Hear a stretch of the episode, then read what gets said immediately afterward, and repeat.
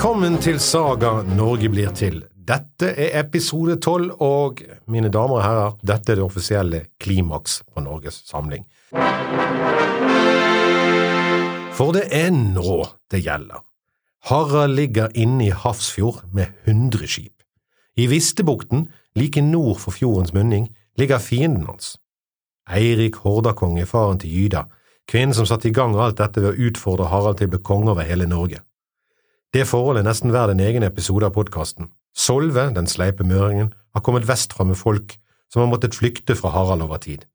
Ryger og Egder, og også noen daner som ikke har dratt til England, berserken Tore Haklang, hans far kong Kjotve den rike, kong Sulke og hans bror Sote jarl. Hundre skip har de i år. Kanskje er det hele 6000 mann til sammen her nå, ved Hafrsfjord, klare til kamp. Nå skal det avgjøres. Skal Norge samles, eller fortsatt består av mange små fylkeskongedømmer? Idet solen stiger opp, letter Haralds fiender ankeret i Vistebukten og ror inn i det smale sundet som skiller Kverneviken og Hafrsfjord. Dagen er kommet. Men hva vet vi egentlig om dette slaget som samlet Norge, og som er markert i Møllebukten i Hafrsfjord, like ved Madla militærleir, med tre gigantiske sverd stående rett opp i fjell? Svaret er nesten ingenting. Vi vet ikke egentlig hvem som var der, eller hvor mange som var der, ikke engang om Harald var der. Vi vet ikke når det skjedde. Historikerne, historikerne varierer fra 872 til 900, selv om de fleste etter hvert har nærmet seg en eller annen gang i nærheten av 880. Vi vet ikke om slaget sto her. Gjentatte arkeologiske undersøkelser, inkludert et ganske ambisiøst privat opplegg de siste årene, har avdekket absolutt ingenting. Vi vet ikke om slaget fant sted i det hele tatt. Slik sett kunne denne episoden endt her. Men om vi nå forsøker å sette sammen et puslespill med det vi vet med noe sikkerhet, så kan vi kanskje komme videre. Vi vet at noe skjer i Norge på denne tiden. Grunnen til at vi vet det, er at Island blir bebygd på samme tid, og mange av de vi kjenner på den tapende part i Haralds lag, ender opp på Island. Og islendingene er fra starten av besatt av å dokumentere.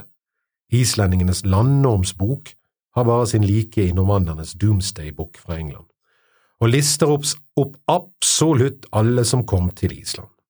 Vel, alle frie menn i hvert fall. Ettersagene deres gir også gode kilder. Dermed vet vi at noe skjedde som gjorde at mange flyktet fra Norge, og det førte til at Island ble bygget. Noe skjedde, det var stort, for de som flyktet var ikke hvem som helst, men stormenn fra hele landet. Vi har et gammelt kvad som nevner slaget, og det er skikkelig gammelt. Haraldskvedet er satt sammen av flere kvad, men de eldste delene er antagelig fra slutten av 800-tallet, og sannsynligvis det eldste kvadet som er bevart. De eldste delene tilskrives en som het Torbjørn Hornklove, og her fortelles det om et slag i Hafrsfjord. Det sies likevel ikke klart at det er Harald som slåss her, men det er likevel åpenbart at en i ettertid, og ganske kort tid etter slaget, har stått, tar det for gitt at det er Harald det er snakk om. Noen har altså tvil om dette kvadet i det hele tatt handler om vår Harald, og at det kanskje er en helt annen Harald Luva det er snakk om. Jeg er ikke historiker, men det høres kanskje litt ut som om noen historikere har et behov for å utfordre tradisjonell historieskrivning. Men de eldste kildene vi har, sier at det var et stort slag i Hafrsfjord. Kvadet nevner også en Harald Luva, for det er et hyldningsdikt til han. Ettertiden, nær samtid, har tatt dette som Harald Hårfagre. Det kan vel tenkes at det for samtiden var så selvsagt at det var han, at det ikke opplevdes som nødvendig å overpresisere det. Det ble jo ikke skrevet for historikerne, men som en hyllest til den regjerende Harald Hårfagre. Tidfesting er vanskelig, og det samme er det åpenbare fraværet av Håkon Jarl og trønderne. Trengte Harald ikke? Tja, om det er slik at Håkon, Jarl, Håkon Jarls død kom like før, så er det en forklaring på at trønderne var opptatt eller tappet for krefter på dette tidspunktet. Det er heller ikke så underlig at de som leiter etter etterlatenskaper i Hafrsfjord, ikke finner noe. For det første er det over tusen år siden slaget skal ha stått. Ting ruster, ting råtner, for det andre havnivå, og dette undervurderes ganske kraftig. Sjøen gikk vesentlig høyere for 1100 år siden. Derfor så også Hafrsfjord annerledes ut i år 872. Innseilingen var breiere, der det i dag er mark, var det grunn sjøbunn, og halvøyer i dag var, øyer den gang, og noen småøyer var bare undervannsskjær. Slaget kan med andre ord ha foregått på svært grunt vann, og det som igjen kan ha blitt liggende på det som i dag er jordbruksland. Eller det er blitt liggende så grunt at det ble plukket opp på fjerde sjø. Det var jo verdifulle ting, dette. Ringbrynjer og sverd. Mye har nok ikke blitt igjen. Denne podkasten skal ikke utfordre tusen års historieskrivning på dette punktet. Der sto et stort slag i Hafrsfjord, og mest sannsynlig var det Harald Luva som kjempet der. Nær samtidig ettertid har jeg i alle fall tatt det for gitt. Så ta dette for det det er, min tolkning og dramatisering etter beste evne av et slag vi vet lite om.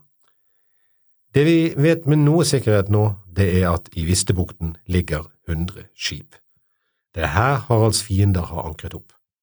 De vet ikke at de har lagt bi rett ved siden av den eldste bosetningen i Norge. I Vistehålen, rett nord for der de ligger, noen få meter fra de, hviler en 15 år gammel gutt som ble gravlagt 7000 år før. Det skal ennå gå over 1000 år før han bringes frem i lyset igjen. De letter anker og ror forbi det som i dag heter Kjøberhavnabukten, en kilometer lenger sør over bukten, der urgamle helleristninger kan ses i fjellsiden og gravhauger fra steinalderen vokter innseilingen mot Hafrsfjorden. Du kan se alt dette i dag også, i tillegg til monumentet til minne om Kielland-ulykken. Litt lenger inn ved Revheim og der der Hafrsfjorden går over i dag, kan de se hundrevis av helleristninger i sørvendte bergsider. Her har vært folk lenger enn folk kan huske. De tause merkene og gravene står som tause, illevarslende gjærtegn mot de, mens skipene deres ror innover. Rormennene står og styrer i strømmen som er relativt rolig nå og holder skarpt utkikk. De fleste mennene tar i på årene, mens de som ikke har fått plass langs årene, holder seg klar til strid. Hjelmer er på, sverdene dratt, og skjoldene holdes hardt. I øyekroken ser plutselig en av rormennene noe som kommer seilende gjennom luften. Et øyeblikk seinere regner det steiner, piler og spyd over skipet. Harald har sendt noen av folkene sine opp ved de gamle gravhaugene på det smaleste punktet i innløpet av fjorden, der Hafrsfjordbroen går over i dag, og Prestaskjæret deler innløpet i to, og der hagler det stein, piler og spyd. Men målet er ikke å stoppe hæren, bare å plage den litt, tynne den litt. De første livene går kanskje tapt her ute nær de gamle helleristningene. Det går nesten galt. En av romennene blir truffet av et kastespyd der han står med ryggen til og segner om. Drageskipet skjærer av litt mot babord, men det er egentlig årene som holder det på kurs. En ny mann tar roret og styrer båten forbi skjæret. Et av de mindre skipene legger til land, og noen mann løper opp mot høyden der kastevåpnene kom fra, men fuglene fløyet. Kasterne hastet videre for å varsle om hva som er på vei inn fjorden. Dette er ikke Frankrike, og dette er ikke Agincourt, dette er ikke langbuen som skal avgjøre slaget, men det er ting som tyder på at piler og buer spiller en rolle denne dagen. Inne ved land, nemlig, øst i fjorden, der landet stiger brattest, har høyden bak, der universitetet og sykehuset nå vokser fram i disse dager, fått navn etter en urgammel guddom, eldre enn Odin, Ull.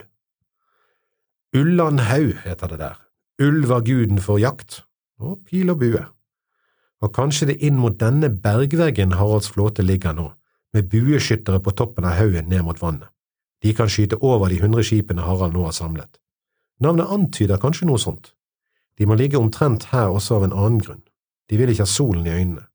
Slaget står på sommertid, og å ligge rett øst eller vest kan gjøre at en blir blendet i kampen på et tidspunkt. En vil helst også ligge tett nok på land til at ryggen er fri, mens motstanderen må ligge med ryggen åpen. Det som skjer senere, tyder også på at det er i denne retningen Harald ligger. Nå begynner de første stavnene å synes ved Madla-Sandnes, neset som stikker ut og snevrer inn den siste delen av innløpet. Havsfjord består av en smal fjordarm som svinger seg innover, før fjorden breier seg ut som et bredt innlandshav fem kilometer bredt på det breieste. Det ser litt ut som en slags, vel, vinflakong, en uh, karaffel. Smal ved toppen og brei ved bunnen. Noen få holmer stikker opp, den høyeste Prestøy, men da sannsynligvis på denne tiden 20 meter bratt opp. I dag er det rester av tyske befestninger fra andre verdenskrig. Den gang var det en holme som stakk opp uten bebyggelse. Rest, rett øst for den ligger Sømsøy, en mindre holme, og like sørøst for den ligger Ytraberget. På Ytraberget lå den gang en bygdeborg. Dette er i dag en liten halvøy, men i 872 er dette i alle fall ved høyvann en holme. Haralds skip ligger side ved side som en stor flytende kampplattform. For å angripe må motstanderen forsøke å rive skip løs fra rekken. Det er ikke enkelt. Inn fjorden vender nå skip i grupper på tre og tre. I masten vaier bannere som viser hvem de er. På Haralds side vaier ravnebannere. Haralds skip må ligge i ro og vente, og det er vanskelig. Berserkere og andre krigere vil helst komme i gang og bli ferdig, vinne, slåss. Ropene og fornærmelsene runger over det stille vannet. Kom igjen, dere skal få fly med valkyrene i natt, sveklinger! Harald venter. Banneret hans viser hvor han ligger med sine veteraner og berserker. Det er berserker eller leiesoldaten Tore Haklang som kommer til først. Med tre skip legger han seg til mot kongens skip, det er det han er betalt for. Mannen med tilnavnet som betyr noe sånt som det lange ansiktet eller den store haken, er også sønn av kong Kjøttved den rike, de kjemper sammen i dag, kongen og berserksønnen. Fra Tores tre skip hives kroker, og de haler og drar i kongens skip for å få det løs sånn at de kan angripe. Tilbake kommer kastespyd og steiner og fra berget bak piler som regner over dem. De skjuler seg under skjoldene mens de trekker og drar. Fra Haralds side kastes det og stikkes det. Det er Tore som er på offensiven nå, men plutselig ryker tauet, og de ramler om kull på skipet. En av Haralds menn har kappet tauet. Nå må de starte på nytt. Stavnsmannen går frem og hugger en båtsake fast i halskip. Han dør i forsøket, men haken sitter fast, og Tores folk drar det de makter i det tauet som er festet til båtsaken, og som nå blir stramt og vanskelig å kutte. Nå har de snart nok åpning til å komme seg over på halskip. Det blir en hard kamp. Nå går de første av Tores folk over ripen og inn på kongens skip. Der blir de møtt av en mur av skjold og spyd. Vill og gale hugger de løs og stikker og prøver å bryte skjoldmuren. Nå kommer piler og kastespyd, til og med stein kommer farende. Kampen står og vipper mellom Tore og Harald. Tores far egger han på. Kom igjen, gutten! Kom igjen! Det lyder et brøl fra et skip lenger borte. Raa! Kampene begynte, altså. Plutselig høres et jubelbrøl. Kampen stilner et sekund. Hva har skjedd? Et av angripernes skip slipper haken og legger ifra. Ryktet farer som ild i gress. Eirik har falt. Hordakongen er borte. Lederen er vekk. En av de viktigste allierte i striden, Haralds mulige svigerfar, han som virkelig hater denne oppkomlingen som forsøkte seg på hans datter uten hans lov. Eirik er nå ute av striden og på vei til Valhall. Valkyriene får det travelt denne dagen. Nå står alt og faller på Tore Haklang. Kan han rydde kongens skip, betyr det seier. Klarer han det ikke, er Norge samlet. Men nå begynner det å gå Haralds vei. Rogalandskongen sulker, og broren Sote faller også nå. Det begynner å haste for Tore Akland. Bit for bit presser han kongens menn bakover, før trykket går ut av angrepet. Et øyeblikk står det og vipper som om balanserer på en knivsegg, men så gradvis og sakte er det kongen som trykker framover.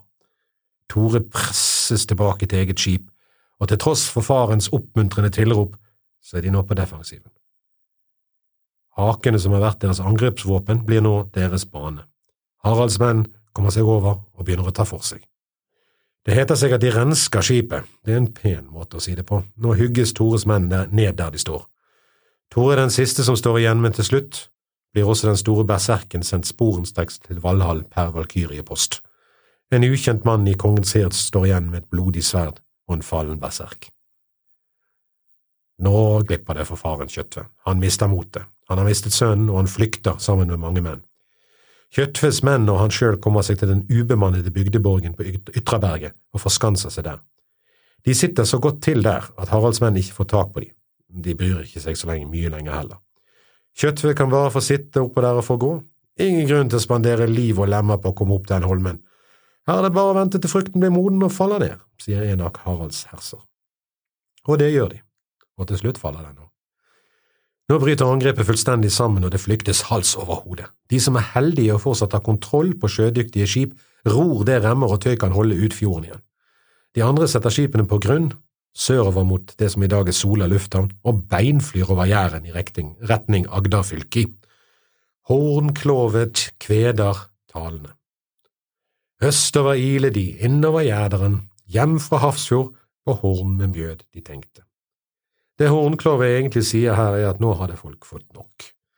Hele landet hadde vært i krig i flere år nå, og nå, nå, var det på tide å få en slutt på dette, slik at man kunne konsentrere seg om å dyrke jorden og reise i viking. De som fortsatt ville kjempe, de flyktet nå fra landet. De skjønte at Harald var blitt for mektig.